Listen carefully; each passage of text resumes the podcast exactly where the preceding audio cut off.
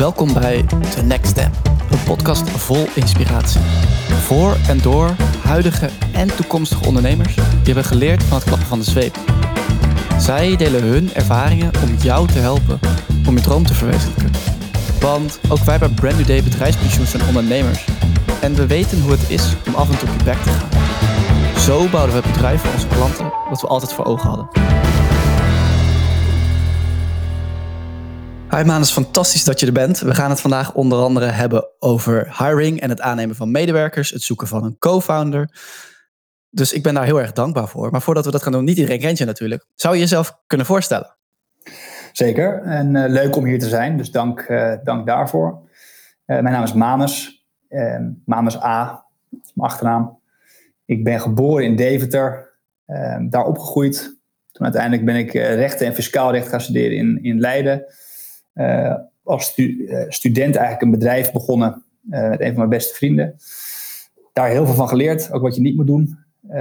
uiteindelijk ben ik als fiscalist begonnen, dat was mijn eerste baan bij een advocaatkantoor in Amsterdam. En daar redelijk snel bedacht dat ik iets anders wilde gaan doen. Dus toen op het idee voor Spielwork gekomen. En nu dus eigenaar, oprichter van een bedrijf genaamd Spielwork. En we zitten in Amsterdam. En zelf persoonlijk ben ik verhuisd naar Scheveningen afgelopen zomer. En word ik in september vader van een zoon. Dus ontmoet je me op een heel gelukkig moment in mijn leven. Kijk, gefeliciteerd alvast. Thanks. Leuk. Nou, ik heb al een, een mooi aantal haakjes gehoord. Want um, we gaan natuurlijk zo in op wat Spielwork doet. Alleen je noemt wel iets interessants. Ik heb een bedrijf opgericht en vooral geleerd wat je niet moet doen. Kun je daar iets van meegeven? Zeker. Ja, ik was 22. was uh, tussen mijn, mijn bachelor en mijn master in. Ik had een idee samen met een, uh, met een vriend dat we wilden uitwerken voor scholieren hoe je nou vanuit de middelbare school erachter komt wat je wil gaan doen. Dus wat een, een, een, studie is die interessant is en wat je uiteindelijk echt met zo'n studie kunt gaan doen. Dus wat voor een baan je er uiteindelijk mee kunt doen. Wat, wat doet is eigenlijk een beetje het verlengde daarvan. Maar ik was 22. Ik wist niet precies hoe je bedrijf begon en ben het uiteindelijk maar gewoon gaan doen. Ik denk dat dat wel heel belangrijk is. Uh, just do it, zeggen ze bij Nike zo mooi. Dat is wel heel krachtig. Maar het is niet voor niets dat ondernemers die het, het vaker mogen doen, het, uh, het ondernemen, dat die steeds beter erin worden. Dus je leert heel veel. Je leert ook dingen die je niet had moeten doen of anders had moeten doen. Maar volgens mij kun je het alleen maar op die manier leren door daadwerkelijk daar zelf in te trappen, in die valkuilen. Oké, ja. En nu, je bent het Spielwork begonnen. Uh, hoeveel jaar geleden is dat? Hoe gaat dat nu? Ja, dat is, uh, is nu vier jaar geleden. Vier en een half jaar geleden zoiets. Um, en dat gaat hartstikke goed. Dus ik ben het uh, vier jaar geleden begonnen. Ik zat dus in een baan wat eigenlijk voor mij een, een ja, klassieke mismatch was. Ik uh, had de baan anders verwacht. Ik kwam er toch achter dat de, de essentie van fiscalist zijn ook wel is dat je de, de vakliteratuur heel boeiend moet vinden. Want daar moet je constant je in verdiepen, omdat je vrij veel euro's per uur kost. Dus dan moet je dat ook wel waarmaken. Ik kwam erachter dat dat niet iets was wat ik heel lang wilde doen. En kwam zo eigenlijk op het, dus op het idee voor Spielwork. En dat ja, eigenlijk om mijn eigen probleem op te lossen.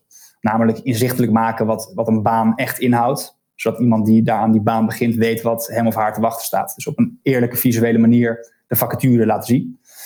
En het gaat hartstikke goed, dus we, we groeien hard. We hebben meer dan 200 uh, bedrijven als klanten. En ja, ondanks de coronacrisis zien we dat de, de, de heel erg aantrekt. Dus zijn wij klaar om weer gas te geven. Ja, en hoe doen jullie dat dan precies? Op een eerlijke en visuele manier laten zien wat een baan inhoudt. Hoe doet Spielwork dat? Ja, wat, uh, wat je ziet is, is misschien om te beginnen bij wat je, uh, hoe het niet moet, flauw gezegd, is dat de, de gemiddelde vacature is eigenlijk nog steeds best wel textueel. En dan zie je veel bullet points. Staat er vaak dat het een jong dynamisch bedrijf is, dat ze een hands-on teamplayer zonder 9-to-5 mentality zoeken. Dat soort holle termen. Ja. En wat wij willen doen is veel eerlijker, uh, visueler laten zien wat je echt te wachten staat. Dus we maken video, we maken foto's, uh, en we maken teksten door iemand te spreken die echt in de baan zit. En zo maken we bijvoorbeeld een agenda van de week en allerlei andere visuele elementen. En zo krijg je eigenlijk het echte verhaal te zien. Dus stel je begint maandag in de baan, uh, hoe ziet die dag eruit? wat zijn de doorgroeimogelijkheden? Wat ga je verdienen? Een heleboel vragen die in de gemiddelde vacature nog onbeantwoord blijven, wat eigenlijk voor beide partijen niet wenselijk is.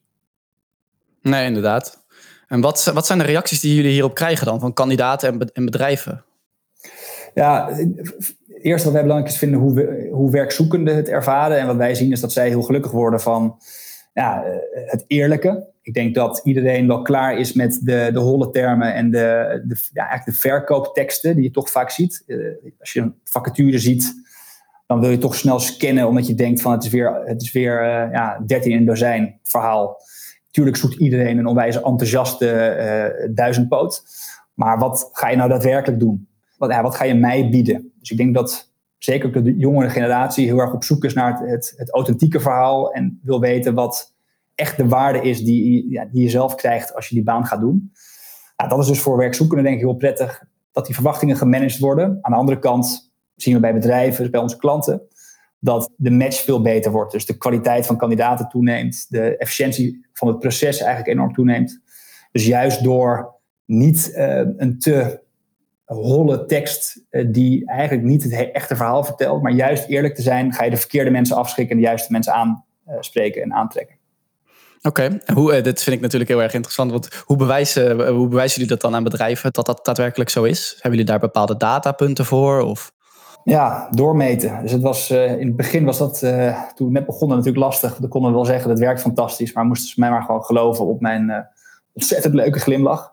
Maar nu, gelukkig, zijn we wat verder, wat iets volwassener. En hebben we gewoon wel de, de data om te bewijzen dat het werkt. En de, om concreet antwoord te geven op die vraag, kijken we bijvoorbeeld naar hoe gaat bezoekersgedrag op die landingspagina die we eigenlijk maken. Dus op die vacaturepagina. Dus hoeveel hoger wordt de conversie van bezoeker naar sollicitatieformulier. Hoe geïnteresseerd zijn ze eigenlijk in die content? Dus hoe lang blijven ze op de pagina en uh, ja, hoe, hoeveel klikken ze bijvoorbeeld aan? Je kunt natuurlijk alles doormeten.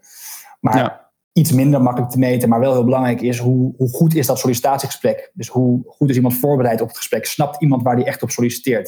Dat is natuurlijk vaak nogal essentieel voor, de, voor, de, voor het bedrijf. Wat wel weer makkelijk te meten is, is hoeveel procent van de kandidaten wordt uiteindelijk aangenomen wat weer iets over de kwaliteit uh, zegt.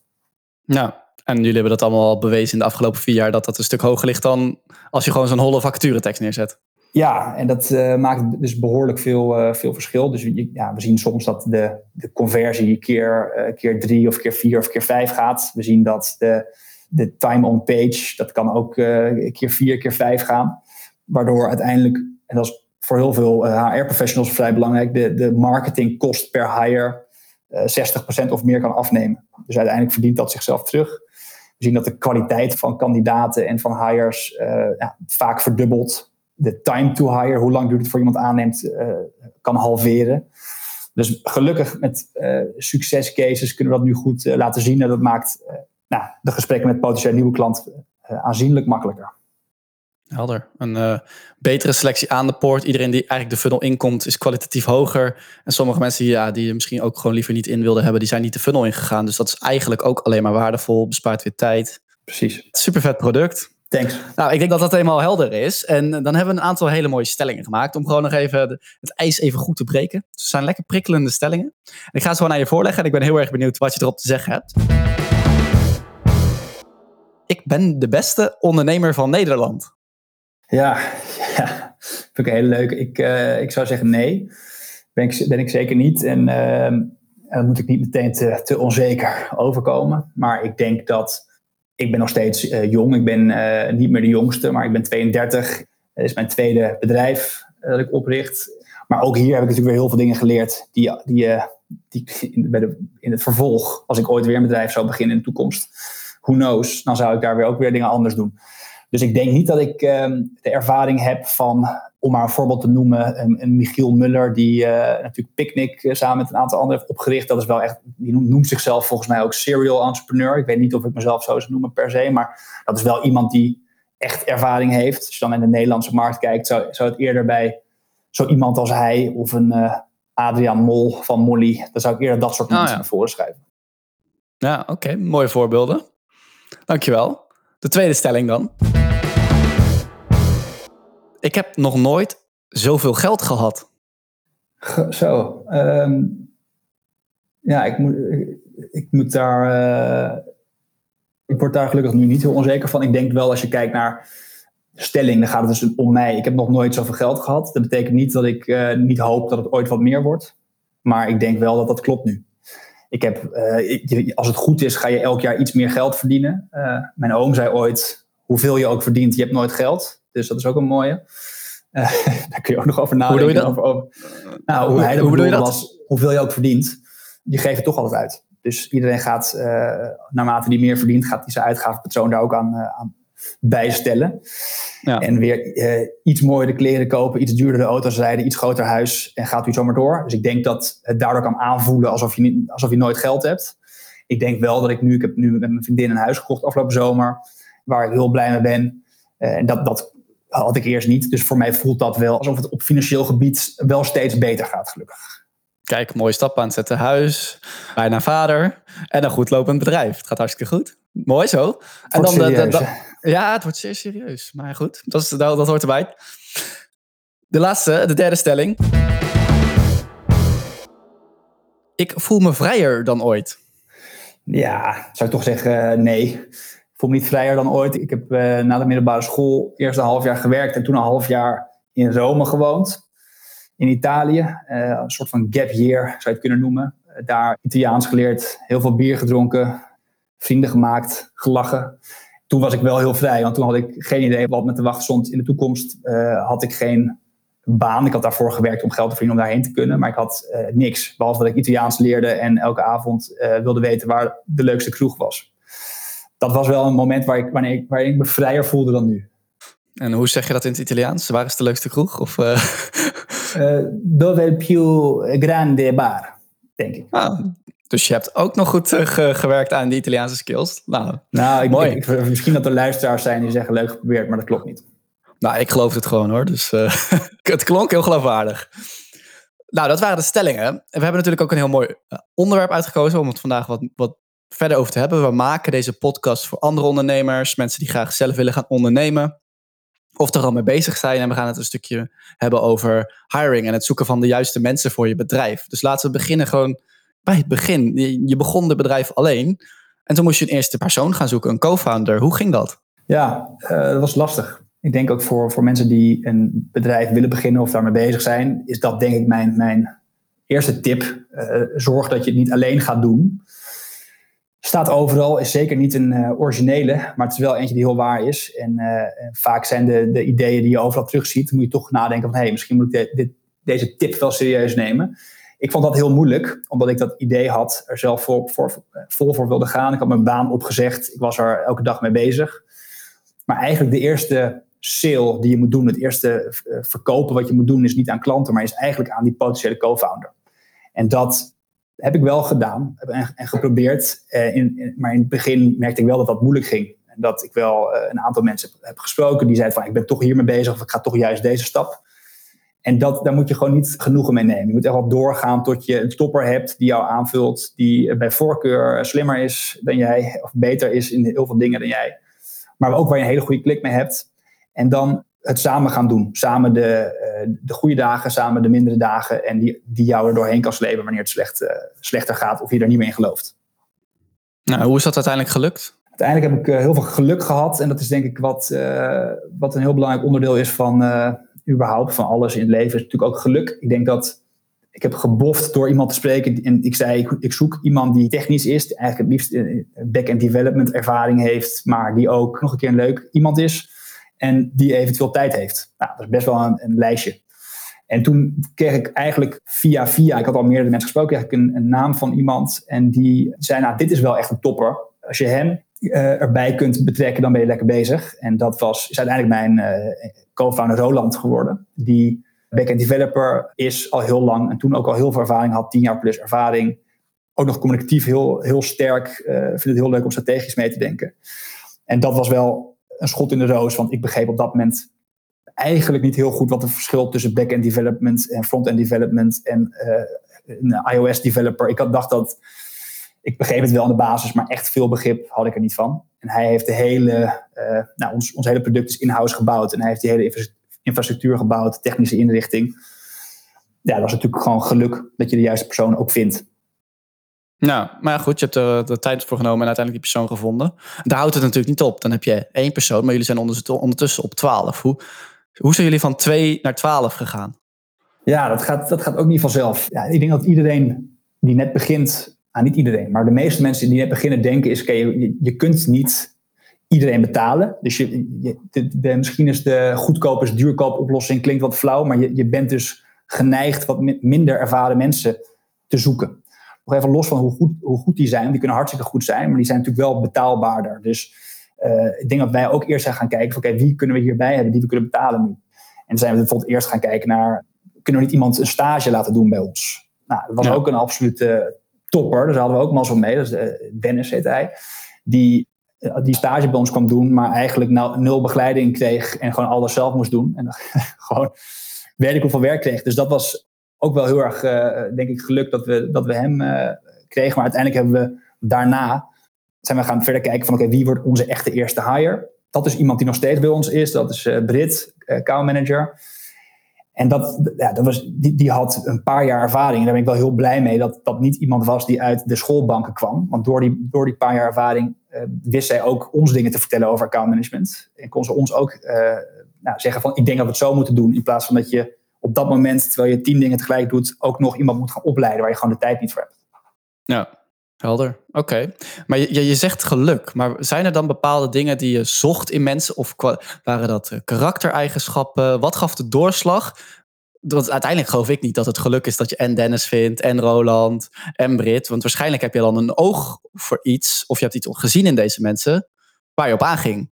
Ja, en uh, laat ik daar ook heel eerlijk in zijn. En daarna en hebben we ook wel eens natuurlijk mensen aangenomen die waar het van, van ook wel van hun kant gewoon toch anders was dan verwacht. En dat we precies uh, wat wij natuurlijk proberen op te lossen bij bedrijven ook wel eens gebeurd is. Dus we hebben echt niet alleen maar voltreffers gehad. Dat is ook helemaal niet, denk ik, realistisch. Dat moet je als, als jong bedrijf ook niet verwachten. Maar ja, ik denk dat je gelijk hebt. Het is niet alleen geluk. Ik denk dat bij een co-founder of iemand vinden dat daar wel heel fijn is als je via je netwerk de juiste mensen kunt vinden. maar daar moet je ook gewoon doorgaan tot je iemand hebt en er niet, en niet genoegen mee nemen.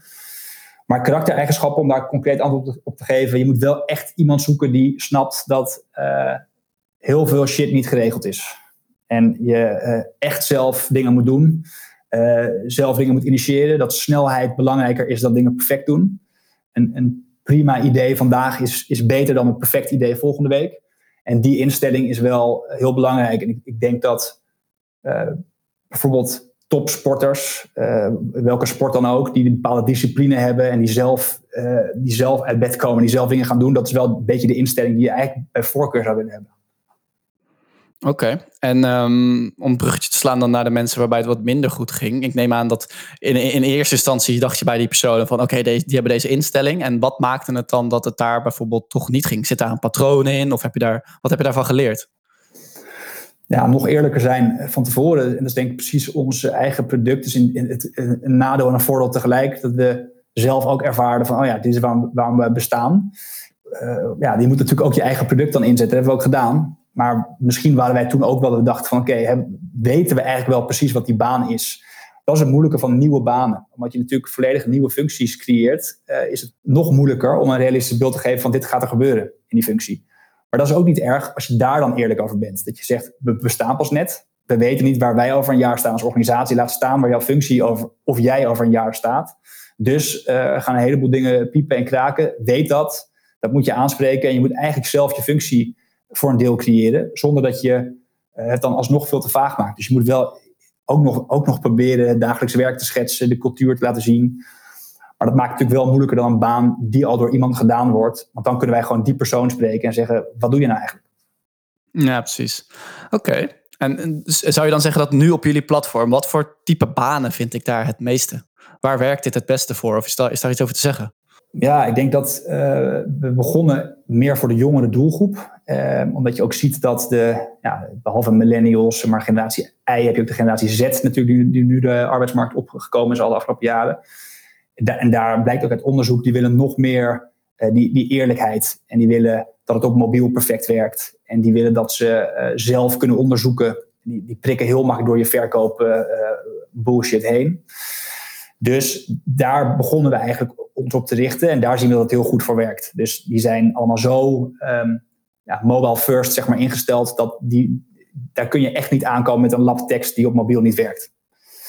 Nee, maar wat we, in de loop van de jaren zijn gaan merken, is dat het voor veel meer ervaren ehm, rollen uh, in allerlei sectoren, het iedereen eigenlijk visueel is ingesteld. Elke app die op je telefoon hebt, is visueel. En niemand wil eigenlijk een vacature met een hele lap tekst, met heel veel holle termen, heel veel gecopy-paste wordt het vaak. Dat je een verhaal leest en denkt van, volgens mij klopt dit niet eens helemaal wat ik hier, wat ik hier sta. Ja, dus, dat is wel echt verschrikkelijk. ja, dus en, en omdat we iemand in de baan spreken en dan het maken, dat is, dat is hoe wij werken. Dus we willen iemand spreken die echt de functie doet bij voorkeur. Spreek je eigenlijk daardoor die doelgroep aan. Dus het is best breed. Uh, wij kunnen het ook koppelen aan de website van de klant. Dus we kunnen echt hun eigen vacaturepagina uh, vervangen. Waardoor veel klanten nu ook alle banen doen. Dus daarom wordt, is het best wel divers. Dus als je op Spielwork kijkt, en we hebben ook een banenplatform, maar daar betalen klanten niet voor. Maar daar zie je wel allerlei soorten banen nu staan, omdat dus klanten alle banen met ons doen. Ja, dat lijkt me een hele supergoede oplossing. En dus als die persoon er niet is, dus uh, je noemde, als die persoon er is, dan bellen we diegene op en dan maken we er een soort van profiel van met de agenda van en ook een aantal collega's. Als die persoon er niet is, hoe pak je het dan aan? Er is altijd iemand die dicht op die functie zit. Dus stel ja, om het bij het thema te houden, stel je begint een bedrijf, dan ben, is het eerst de oprichter alles aan het doen. En die, uh, die doet eerst alles en denkt, hey, misschien is het wel handig als ik niet en administratie en finance en marketing en sales. Misschien is er wel iemand die dat veel beter kan dan ik. Maar dan heeft die persoon het eigenlijk al gedaan. En die weet wat het is, maar die persoon moeten we spreken. En dat is ook in een grotere organisatie zo. Er is altijd wel iemand die weet wat die functie moet zijn. Maar dat maakt het wel iets moeilijker en iets meer werk voor ons. Maar dat is voor klanten juist des te belangrijker om daar veel tijd en aandacht aan te besteden. Juist. Oké, nou dan, dan hebben we er nu al een mooie oplossing voor. En ik noemde net al een aantal dingen die nu op de website staan. Waar willen jullie dan in de toekomst heen? Waar ligt de, wanneer is dit echt? Wanneer is dit uitgespeeld? Wanneer zijn jullie klaar? Ja, ik denk dat uh, ons doel eh, is echt een, een keurmerk voor eerlijkheid in vacatures zijn. En dat ja, er geen enkele vacature meer bij staat op die manier. En of het nou allemaal door ons wordt gemaakt of dat we gewoon dit zo aanwakkeren in de markt dat niemand het meer pikt om een hele lap tekst met um, holle termen en verkoopverhalen te lezen. En, en, dat je nooit meer marktconform salaris ziet staan, maar gewoon weet waar je aan toe bent. Heb je een, uh, een top van do's en don'ts uit vacatureteksten? Tuurlijk. Wat je niet moet doen is, ja, dit is misschien ook wel voor mensen die een bedrijf eh, beginnen als je zelf nog je vacatures gaat maken. Ik denk dat het heel waardevol is om dit serieus te nemen. Je moet echt tijd nemen om na te denken over wat die functie is. Zorg dat je goede content maakt die aanslaat. Maar om het even heel praktisch en uh, concreet te maken, de, do's, of nee, de don'ts, laten we negatief beginnen.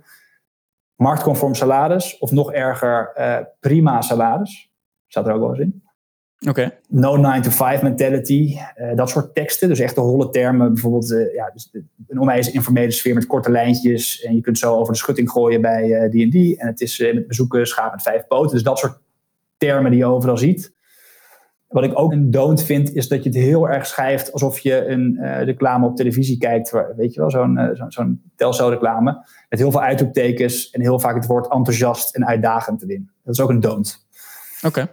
Andere don't vind ik uh, heel veel wel visueel proberen te maken, maar dan met uh, stokfoto's of foto's die totaal niet relevant zijn. Dus als je één keer per vier jaar een skivakantie hebt, dat je dan die foto erin zet, terwijl het gaat om een accountmanager die niet per se heel veel aan die uh, skivakantiefoto heeft, behalve dat het natuurlijk iets van de cultuur zegt. Dus als je elk jaar daarheen gaat, begrijp ik best dat je op de werken bij pagina zit, maar doe het nou alsjeblieft niet op de factuurpagina.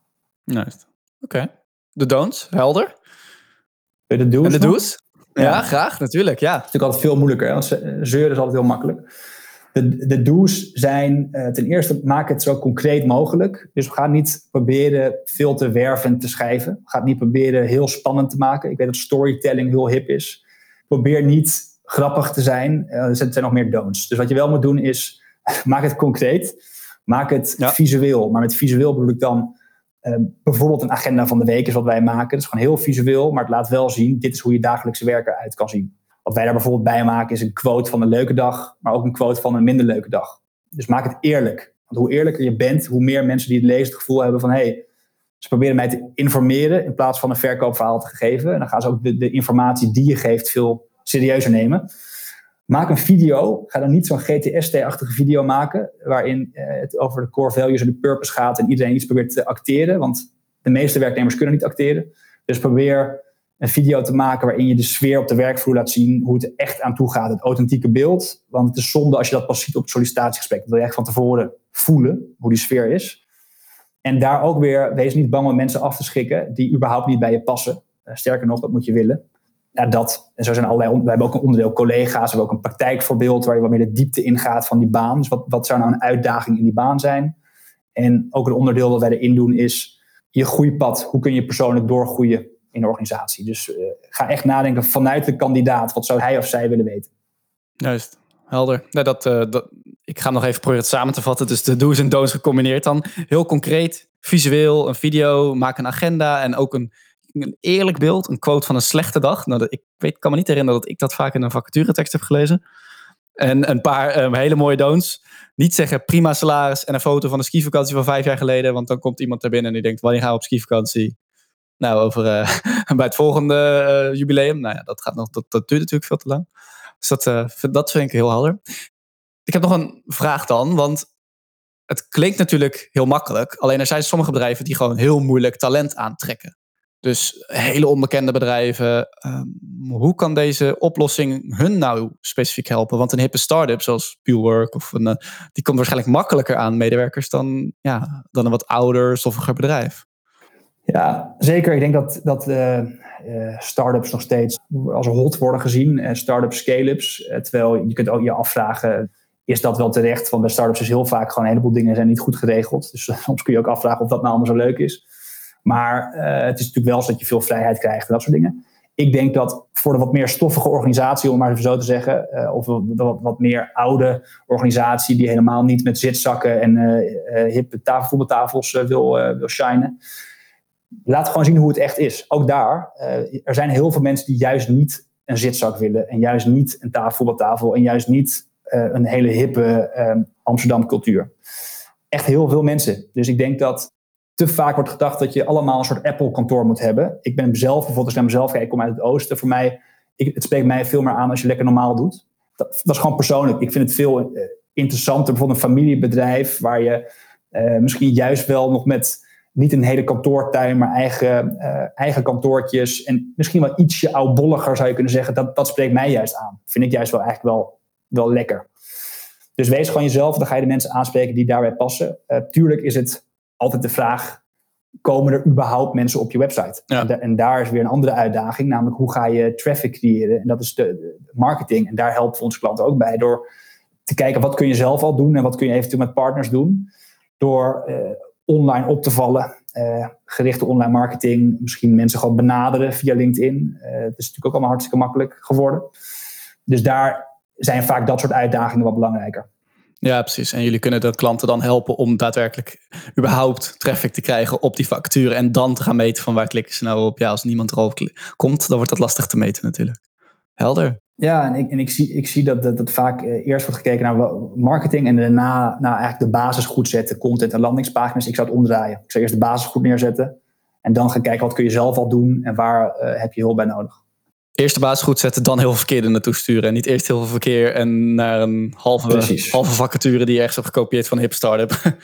Okay. Dat, dat is hem. Ja, nou, ik vond het heel erg mooi. Je hebt al ontzettend veel waardevolle tips gegeven. Maar daar gaan we natuurlijk niet mee eindigen. Want we gaan nog eindigen met een hele mooie tip. Er zijn zo ontzettend veel ondernemers die luisteren. En ik hoop dat we die samen kunnen inspireren. Dus ik ben nog heel erg benieuwd. Heb jij nu als ondernemer met 4,5 jaar ervaring nog iets wat je mee zou willen geven aan startende ondernemers? Ja, absoluut. Ik zou uh, het dus niet alleen doen, die ik al zei. Echt ga het samen met mensen doen. Dat is de belangrijkste, denk ik. En de tweede is heel praktisch. Koop het boek The Four Steps to the Epiphany. Eigenlijk gewoon alles doen wat daarin staat. En je kunt uh, duizend managementboeken lezen, maar als je er eentje hebt gelezen, heb je ze allemaal gelezen. Zeggen ze wel eens. Ik vond, uh, ik vond die heel waardevol. Als ik hem nu teruglees, denk ik, dingen die je toen niet begreep, die klopten ook. Weet je wel? Dus het, alles wat daarin staat is super krachtig. Geschreven door Steve Blank. En hij was de, of, ja, was de hoogleraar van Eric Ries. En dat is die gast die de Lean Startup geschreven heeft, die iedereen natuurlijk altijd leest. Ja. En dat is uh, hartstikke goed. Maar dit, dat hele Lean-principe, voor mij komt het oorspronkelijk uit Japan, of, geloof ik. Maar dat is die Steve Blank, dat is de grote meneer. En niet die Eric Ries, ook al is dat ook een grote meneer geworden. Dus Four Steps to the Epiphanies, daar staan heel praktische tips. Heel veel open deuren, maar het is toch lekker om dan te lezen en te weten wat je aan het doen bent slim is. Heb je daar één concreet voorbeeld van, wat daarin stond, wat je in de praktijk hebt toegevoegd? Of gebruikt? Eerst verkopen en dan bouwen. Oké, ja, nou mooi. Want en dat is gewoon eigenlijk zeggen ze, ga, ja, ga, get out of the building, ga, ga, ga naar buiten, ga mensen aanspreken, ga luisteren naar wat klanten echt willen. En die, en die oprichter van Y Combinator zegt altijd, volgens mij, uh, build stuff people want. Uh, ga niet helemaal natuurlijk alleen maar... Je kunt ook zelf een visie hebben en, en dat je iets wil bedenken wat mensen nog niet weten wat ze willen. Dat zegt Steve Jobs dan volgens mij weer. Maar heel veel is al gedaan. Het is natuurlijk ideaal als je je ideale klant kunt uitzoeken en dan gewoon echt volledig iets kunt bouwen wat zij willen. Dat is, dat is een beetje volgens mij wat daar staat. En ga dan eerst Ga dan het dan eerst verkopen. Wees ook gewoon eerlijk van, we zijn het aan het bouwen. Zou jij een pilotklant willen worden? En misschien krijg je dan wel een paar hele mooie namen die zeggen yes. En dan ga je daarna bouwen precies zoals zij het willen. Helder. Dankjewel. Mooi tip. Ik vond het een hele inspirerende podcast. Ik hoop dat we samen inderdaad, zoals ik al zei, mensen hebben kunnen inspireren. Ik ga nog heel even een aantal dingen noemen die je net zei. Begin niet alleen. Uh, er zijn een aantal tips om je bedrijf te laten groeien als je eenmaal die Coma-founder hebt gevonden. Bijvoorbeeld een manier was het netwerk, maar ook iemand stage laten lopen. En zoek inderdaad naar iemand met een bepaalde mentaliteit. Zoals snelheid over een, uh, over een heel goed idee. Dat je daadwerkelijk deze week al oppakt. Want volgende week, ja, dan is er alweer iets anders uh, belangrijk waarschijnlijk. En als je, ik vind het mooi dat je zegt, gewoon, laat gewoon heel eerlijk zijn. En ook in die vacaturetekst. En dat geldt ook voor jullie. Jullie hebben niet een 100% hiring uh, hit gehad. Jullie hebben ook een aantal hires gehad waarbij het gewoon wat minder lekker ging om bepaalde redenen. En als je dat in een vacaturetekst kan zetten, dan ga je in ieder geval heel veel jonge mensen blij maken. En uiteindelijk waarschijnlijk een win-win situatie creëren. Mooie samenvatting. Dankjewel. Bedankt voor je tijd en een uh, hele fijne dag nog. Jij ook. Thanks. Dat was hem dan alweer. Leuk dat je luistert naar de Next Step podcast. Wil jij ook andere ondernemers inspireren? Laat het ons dan weten via podcast@brandnewday.nl. Dat is podcast@brandnewday.nl. Tot de volgende keer.